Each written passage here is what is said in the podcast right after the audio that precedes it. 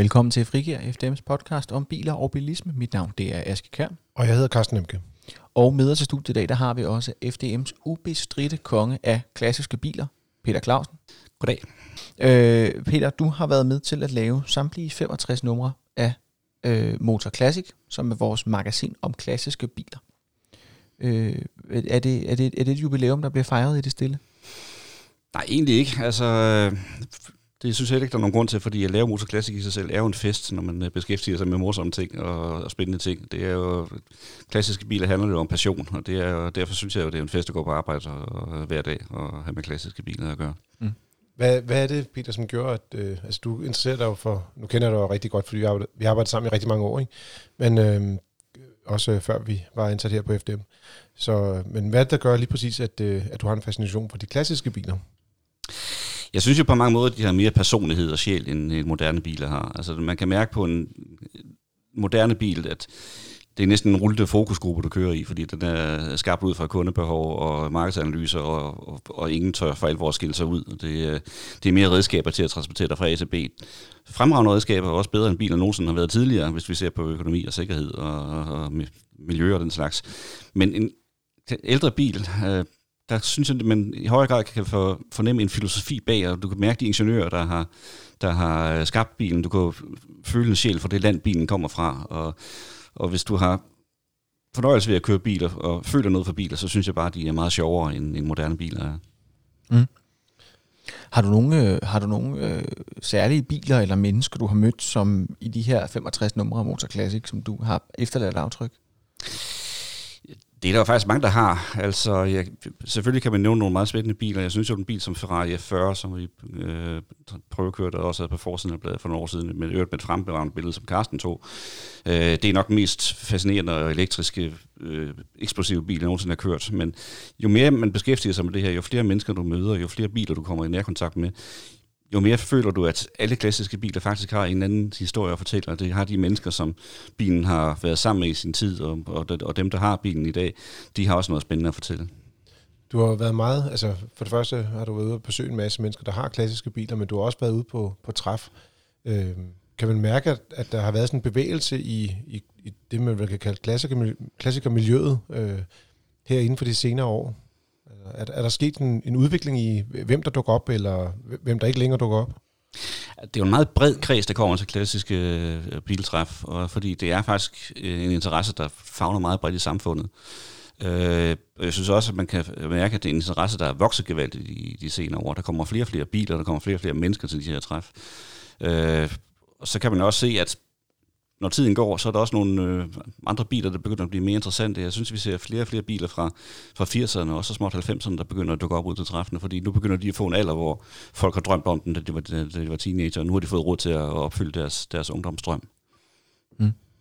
Hvad hedder det? Og øh, det her, det er jo, øh, vi er jo lige op til jul, når det her det kommer ud. Og øh, det er jo, vi, vi arbejder lidt med de her, hvad kan man sige, spontane julegaver, hvis du har en, en meget disponibel indkomst. Øhm, så det er noget med at snakke lidt om, om, om drømmebiler og, og de her klassiske biler, øhm, men også i forhold til, hvad for nogle praktiske overvejelser skal man gøre sig, hvis man beslutter sig for at gøre sit, sit juleønske til virkelighed i dette år. Og øhm, jeg kan måske starte helt lavpraktisk, øh, Peter, ved at spørge, kan man investere i klassiske biler? Altså er der, er der, er der god snusfornuft rent øh, kroner og øremæssigt i det? Det med investeringen, det vil jeg nok fraråde et øjeblik, hvis du udelukkende ser det på, på afkastet, fordi øh, vi har godt nok haft en overrække her, hvor priserne på især meget dyre klassiske biler er steget meget, meget hurtigt øh, og meget, meget voldsomt.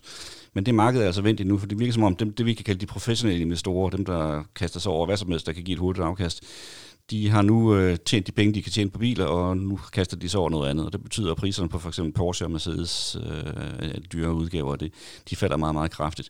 Men som helhed kan man sige, at hvis du køber en god, gængs klassisk bil og passer på den, så kommer du ikke til at for alvor tage penge på den, fordi mm.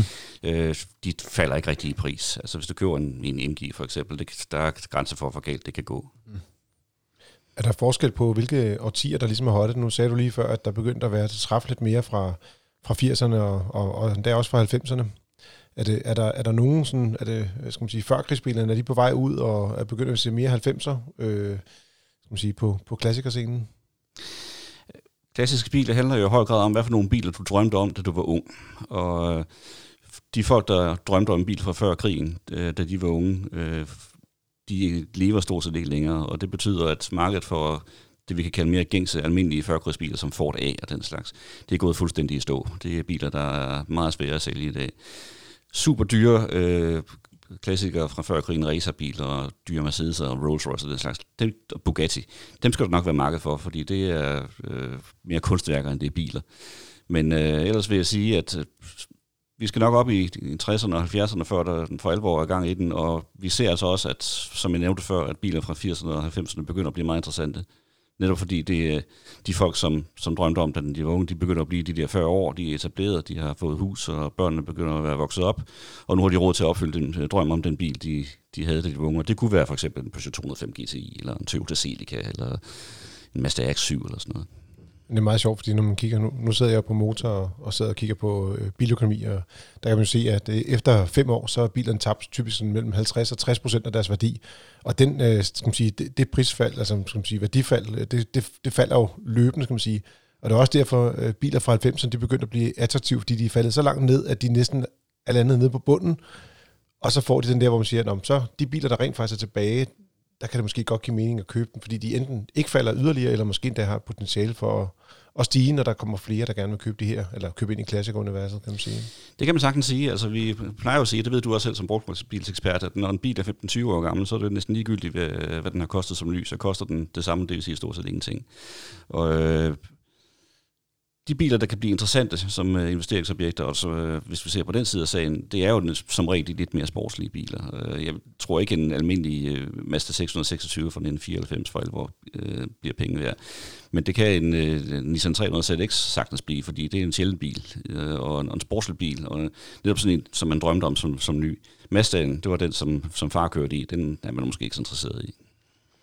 Men apropos øh, biler, man drømte om, øh, og så skal vi nok lidt lille smule længere tilbage end 90'erne. Øh, det er sådan, at øh, der er lige kommet det, ja, som, det 65. Øh, nummer af Motor Classic ligger i handen nu. Øh, og en af de artikler, der er med, nu skal nok lade være med at læse højt øh, fra hele magasinet, men en af dem, den handler om det, der hedder årgang 1985.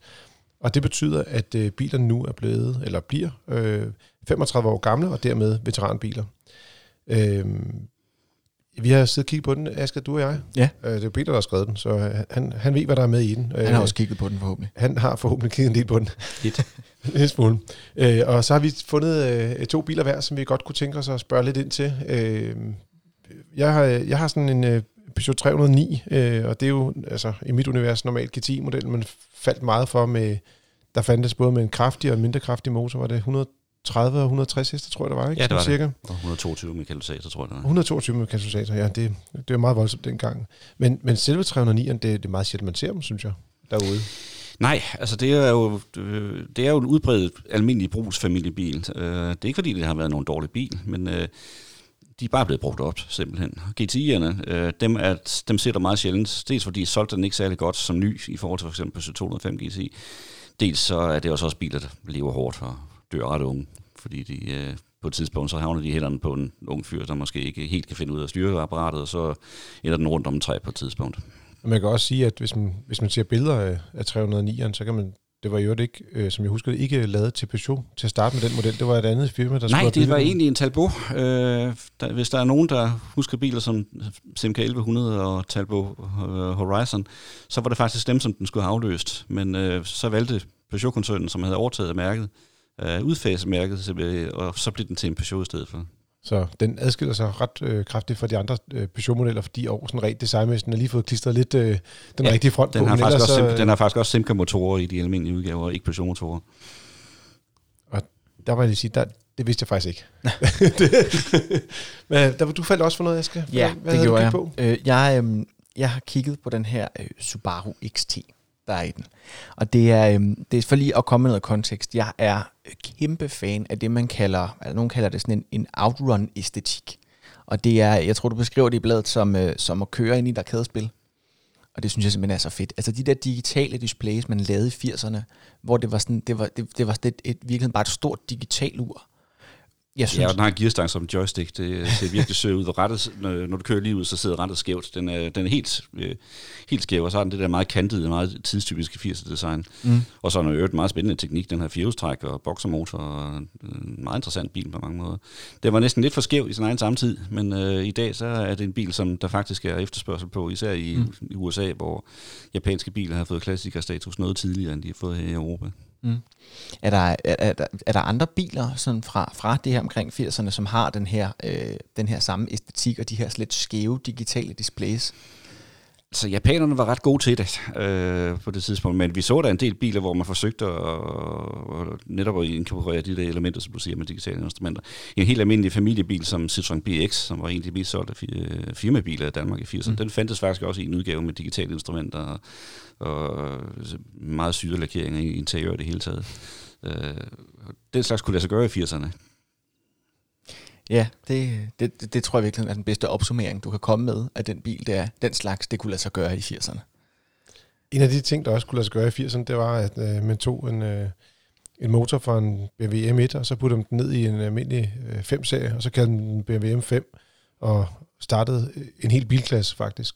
Øh, ja, E28 hedder den for, for kender, men den første BMW M5 øh, for mig at se en af de mest øh, episke biler, der er bygget gennem tiderne. Det var også en af dem, der fik øh, ret meget plads, øh, skal man sige, billedmæssigt i hvert fald i, i artiklen. Ja, jeg kan kun, kun følge dig i, at det er en fuldstændig episk model, fordi den har jo grundlagt øh, en hel klasse af meget højt ydende sportsedanger, og der er jo kommet en hel række sidenhen fra AMG Mercedes blandt andet, og Jaguar har lavet nogle meget voldsomme R-modeller og den slags. Og det var BMW M5, der satte det hele i gang.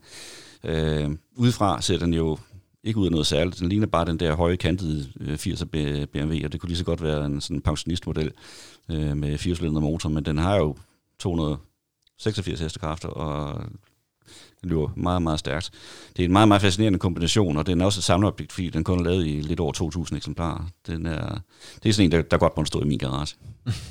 Der, der kunne vi godt tale om en, der faktisk havde et lille klassikerpotentiale. Altså priserne er faktisk ret Den høje har allerede. højt klass- klassikerpotentiale, Ja. og det har den haft i flere år allerede, allerede, netop fordi den er så sjælden, og fordi den satte så meget i gang, og fordi så mange drømte om den, da den var ny. Ja, en, en anden bil, jeg også har haft kig på i den her årgang, øh, årgang 1985, det er Fiat Uno Turbo IE. Og simpelthen fordi, at jeg bare, jeg elsker konceptet. Altså jeg kan huske, øh, jeg har også et særligt forhold til Fiat Uno, fordi at, øh, at mine forældre havde en Fiat Uno, da jeg var helt lille. Så den havde jeg selv, da jeg var ung. Det er en dejlig bil. Ja, og den der havde den der split ved fordøren, øh, i stedet for et håndtag. Der var sådan en, der var sådan en dut, man sådan skulle række ind og trykke op i for at åbne den. Ja, det så meget Øh. fedt ud, men det var alt den funktionelt, især om vinteren. Jeg kan huske, min far han bandede og svoglede over den dag i dag, der parkerer han stadigvæk konsekvent sine biler i gear, fordi han stoler ikke på håndbremsen. Øh, det er en skade, han i sin tid fik af en, af en Fiat Uno. Og jeg, jeg elsker bare, at der findes en turbo-version af den. Jamen altså, det er, jo, det er jo sådan et eksempel på den klassiske 80'er boy racer, som englænderne kalder det. Altså, en, du tager en lille familiebil, og så prøver du en stor motor i, og giver den nogle spoiler og noget sort krigsmaling, og strammer undervognen op på den, og så er der bare ellers derudaf. Og øh, det er en meget, meget fascinerende bil, også efter min mening, fordi den er så, så tidstypisk, som, som den er. Den satte jo også meget i gang. Der var ikke mange biler af den, af den slags på det tidspunkt, men der kom en hel stribe senere hen, blandt andet Citroën Saxo VTS i 90'erne, som, mm. øh, som også er en bil, der så mange sikkert husker. Ja. Hvad hedder det? Øh, et- Det er en anden ting, som jeg, jeg ved, at Uno Turbo har gjort, det er, at der i den dag i dag i Østeuropa stadigvæk, så vidt jeg har forstået, er en ret aktiv scene inden for tuning og køre en race med Fiat Uno'er. Altså, de har sådan en status. Øh, jeg fandt en gang, øh, fandt en gang, faldt en gang over det, da jeg undersøgte noget andet, at der åbenbart er, sådan, der er Fiat Uno-træf. Det er simpelthen helt scene omkring det der turbo. Ja, det er også rigtigt. Øh, Det er især i Polen, hvor Fiat Uno blev produceret relativt længe. Den blev også produceret i øh, Sydamerika langt ind i det her årtusind, men det er også en anden, en anden sag. Men det er netop, øh, det er netop fordi, den er, det er den der turbobil, som har fået noget kult.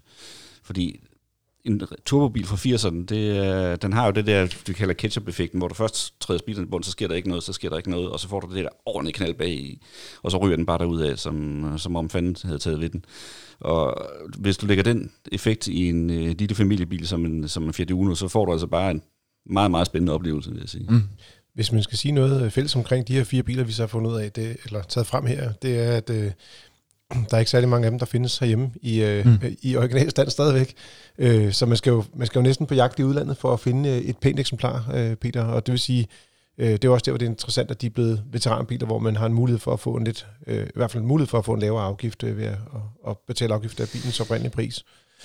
Når en bil fylder 35 år gammel, så er det, det begynder at blive interessant at hente hjem fra udlandet, især hvis det er en bil øh, til en lidt højere pris end så meget andet, fordi så bliver registreringsafgiften som udgangspunkt baseret på kun 40% af bilens nypris før afgift. Og hvis bilen er 20, 30, 40, 50 år gammel, så er det faktisk ikke ret mange penge, du skal have med i afgift. Men man skal også ud og finde de biler, der er originale, fordi bilerne skal være så skal man sige, nærmest, øh, som de kom fra fabrikken i dag, når man skal have indregistreret dem. Kan det ikke være, altså jeg vil sige lige præcis en Fiat Uno Turbo IE, altså konceptet med den bil, der var, at den ikke var original, vil jeg sige, når man kiggede på dem i 80'erne i hvert fald. De kan godt være lidt svære at finde, kan de ikke? Det kan de godt. Det kan lade sig gøre, øh, men øh, i Italien, der kan du sagtens øh, finde, øh, finde, øh, finde nogle biler. Det gælder jo typisk med klassiske biler. Hvis du skal have noget lidt mere specielt, så betaler det sig faktisk at lede i udlandet, fordi der, der er udvalget meget større. Og markedet for klassiske biler er jo generelt meget internationalt. Det er ikke så vigtigt, hvor bilen står. Det vigtigste er, at, at du finder den. Og så kan det være i, i, i Varde, eller det kan være i Verona. Altså. Måske er kaffen bedre i Verona, men det, det mm. må man jo øh, prøve. Intet, intet, intet galt sagt om Varde dog. Derude. Jeg har fået udmærket kaffe i Varde i mit liv. Ved du hvad, det har jeg faktisk også. Jeg var der for to år siden, og de havde en café med fantastisk kaffe. Nå, ikke noget vartebashing her. Men kørte i? Hvad siger du? Hvad kørte du i? Ja, det var en uh, gruppetest med B-segment SUV'er, så, uh, så meget for det. Men uh, jeg vil sige, det var, uh, det var rigtig godt. Mm. Det var, de havde god kaffe dernede. Nu er det jo ikke bare afgiften, der er lav, når man øh, ser på, på ældre biler, men øh, det vil sige, vi talte også om det tidligere, sådan nogle ting som for eksempel værditab. Øh, det, når man har en bil, der er så gammel, så er der jo typisk ikke værditab, som man ser på nyere biler, vel? Nej, altså øh, tommelfingerreglen er, at hvis du køber en, en øh, fornuftig klassiker og, og passer den fornuftigt, så kan du som regel få det samme igen, øh, som du har givet, når du sælger den igen. Så er der også andre ting, som kan gøre det billigere. Når en bil er 35 år gammel, så falder vægtafgiften, ejerafgiften automatisk til en fjerdedel af den normale takst, og ældre biler kan du også få øh, veteranforsikret på sådan fornuftige vilkår. Det koster typisk kun 800-1000 kroner at veteranforsikre en MGB øh, eller en anden gængs veteran, som ikke er alt for dyr. Øh, det kræver selvfølgelig, at du har et sted at låse bilen inde, den må ikke stå på gaden, og du skal have en anden bil at køre i til hverdag. Men det er ikke særlig dyrt at have en klassisk bil. Det er faktisk en relativt billig hobby i forhold til at have en båd, for eksempel. Man kan også sige, at øh, nu taler vi her om det, man kalder veteraner, og, og der er de 35 år gamle, men på forsikringsdelen er der jo faktisk også en mulighed for, i hvert fald hos de fleste selskaber, at få forsikringer, der er billigere allerede fra de her 25 år gamle. Der har du så ikke den billige ejerafgift, men, men du kan dog stadig komme ned og få en noget billigere forsikring, end, end hvis du bare forsikrer den som en almindelig bil. Ja, de kalder det bare klassisk bil typisk, i stedet for veteranbil ja. hos forsikringsselskaberne, men vilkårene er stort set det samme. Øh, der er som regel en kilometerbegrænsning på hos nogle øh, selskaber, så øh, må du ikke køre bilen om vinteren, men det gør man alligevel ikke med en bil, som man gerne vil passe på. Mm. Helst ikke. Så hvad, øhm, er det bare, så, så de her veteranforsikringer, er det så bare et spørgsmål om, at du ikke må køre, altså så virkelig, det er lidt ligesom, ligesom den forsikring, du også nogle gange kan tegne på en motorcykel, hvor du siger, at den, den, der dækker kun i, den gælder kun i sommerhalvåret, øh, og så må du kun køre maks så så mange kilometer. Er der altså, andre ting? Det, altså, som sagt, så skal, der, skal bilen opbevares sikkert, øh, og kilometerbegrænsning er typisk ca. 6.000 km om året hos de fleste forsikringsselskaber. Og så skal du ikke øh, køre bilen til, til, til, til hverdagskørsel. Øh, okay. Du må ikke ligge og køre til at få arbejde. Du må godt køre hen og vise dine kolleger den, når du har købt den, eller vise den frem en gang imellem. Men øh, du skal ikke bruge den til hverdagskørsel. Den skal ikke opfylde dit transportbehov. Det, det, okay. det, er, sådan, det er sådan, forsikringsselskaberne typisk skældner. Okay, hvad, øh, bare lige for at grave lidt mere i det, hvad, hvad er hverdagskørsel? Fordi et, hvis den ikke opfylder dit transportbehov, det kan virkelig bare siges ved, jeg kører under kilometerbegrænsning, og jeg har en anden bil, som kører mere. Er, er det nok? Eller? Nej, altså du må ikke køre til at fra arbejde hver dag. Du må typisk heller ikke øh, køre på indkøb, øh, men du må gerne køre til dit sommerhus i den for eksempel, fordi så er det ferietur eller fritidskørsel. Mm. Okay. Så det er også derfor, at uh, præmien er lavere. Det er jo netop, at, at det, ikke, altså, det er ikke et alternativ til at have en bil nummer to. Lige præcis. Det er, det er et, uh, noget, man laver, fordi man synes, det er sjovt, og, og derfor så får man også nogle lidt lavere udgifter. Ja, det er hobbykørsel, det handler om. Ja. Det, det er nok det, der er tommelfingerreglen. Der er også noget med syn, når bilen bælter. Ja, øh, når bilen fylder 30 år, ikke 35 år, som det gælder med afgift, så kan du få bilen veteranregistreret, som det kalder det. Det kan du faktisk selv gå ind og gøre online på, på Skats hjemmeside. Øh, det betyder, at øh, bilen så kun må bruge lejlighedsvis. Det er sådan en gummiformulering, men det er igen det der med at kunne bruge bilen til hobbykørsel. Og så skal bilen kun synes øh, næste gang efter fem år, og derefter hvert 8. år. Okay. Så det vil sige, at fra den er 35 år, så er det kun hver 8. år? Ja, ja. simpelthen. Ja. Hvad, øhm, så her til, øh, til allersidst. Øhm, hvis du har, der er nogen, der sidder derude nu og lytter og er blevet lidt øh, interesseret i det og gerne vil i gang med klassiske biler, hvad er så det, det første råd, du vil give? Brug øjnene og forhast dig ikke. Øh, udse dig en øh, model, som du føler noget for, så gå ud og se på så mange som muligt pågældende model, og have nogen med, som øh, kender bilmodellen, som kan fortælle dig, hvad den har at skive, øh, øh, og for fejl og muligheder, og for, for ting, der kan blive meget dyre. Øh, ofte vil jeg også anbefale folk at, at melde sig ind i en veteranklub. De fleste bilmærker er der klubber for, og der er folk i de klubber, som kender lige præcis den bilmodel, som du er interesseret i. Mm. Og de kan også hjælpe dig med at finde ud af, hvad for nogle øh, hvad kan man sige, skæve tilbøjeligheder. Den, ja, kan. og de kan formentlig også anbefale dig mekanikere og hjælpe dig, hvor der er med at finde reservedele og så videre. Mm. Ja, og det, øh, det tror jeg var det, vi havde for denne gang. Øh, vi vil sige glædelig jul herindefra. Øh, I dag der er det jo der er det mandag, og derfor handler vores afsnit lidt om, om biler i den lidt mere øh, hvad man sige, nørdede forstand. Øh, og fredagen, der snakker vi jo mere om, om bilisme og trafik lige præcis, præcis på fredag, som er lige her de her juledage, der tager vi en lille, en lille pause. Så der udkommer vi ikke, men øh, vi udkommer først igen øh, næste mandag, hvor der er, vi taler omkring øh, testår, der gik på motor. Ja. Skulle jeg sige Motors øh, biltesthold, hvor jeg selv er en del af det sammen med Søren W. Rasmussen, så det er ham, vi får med i studiet. Og så taler vi lidt omkring, øh, hvad vi har oplevet i løbet af året, og hvad for nogle ting, der har været spændende der. Ja, og øh, som altid, hvis du har øh, ris, ros, kommentar, eller for den sags skyld bare vil sige god jul, så øh, kan du skrive en mail til podcast Vi høres ved i næste uge.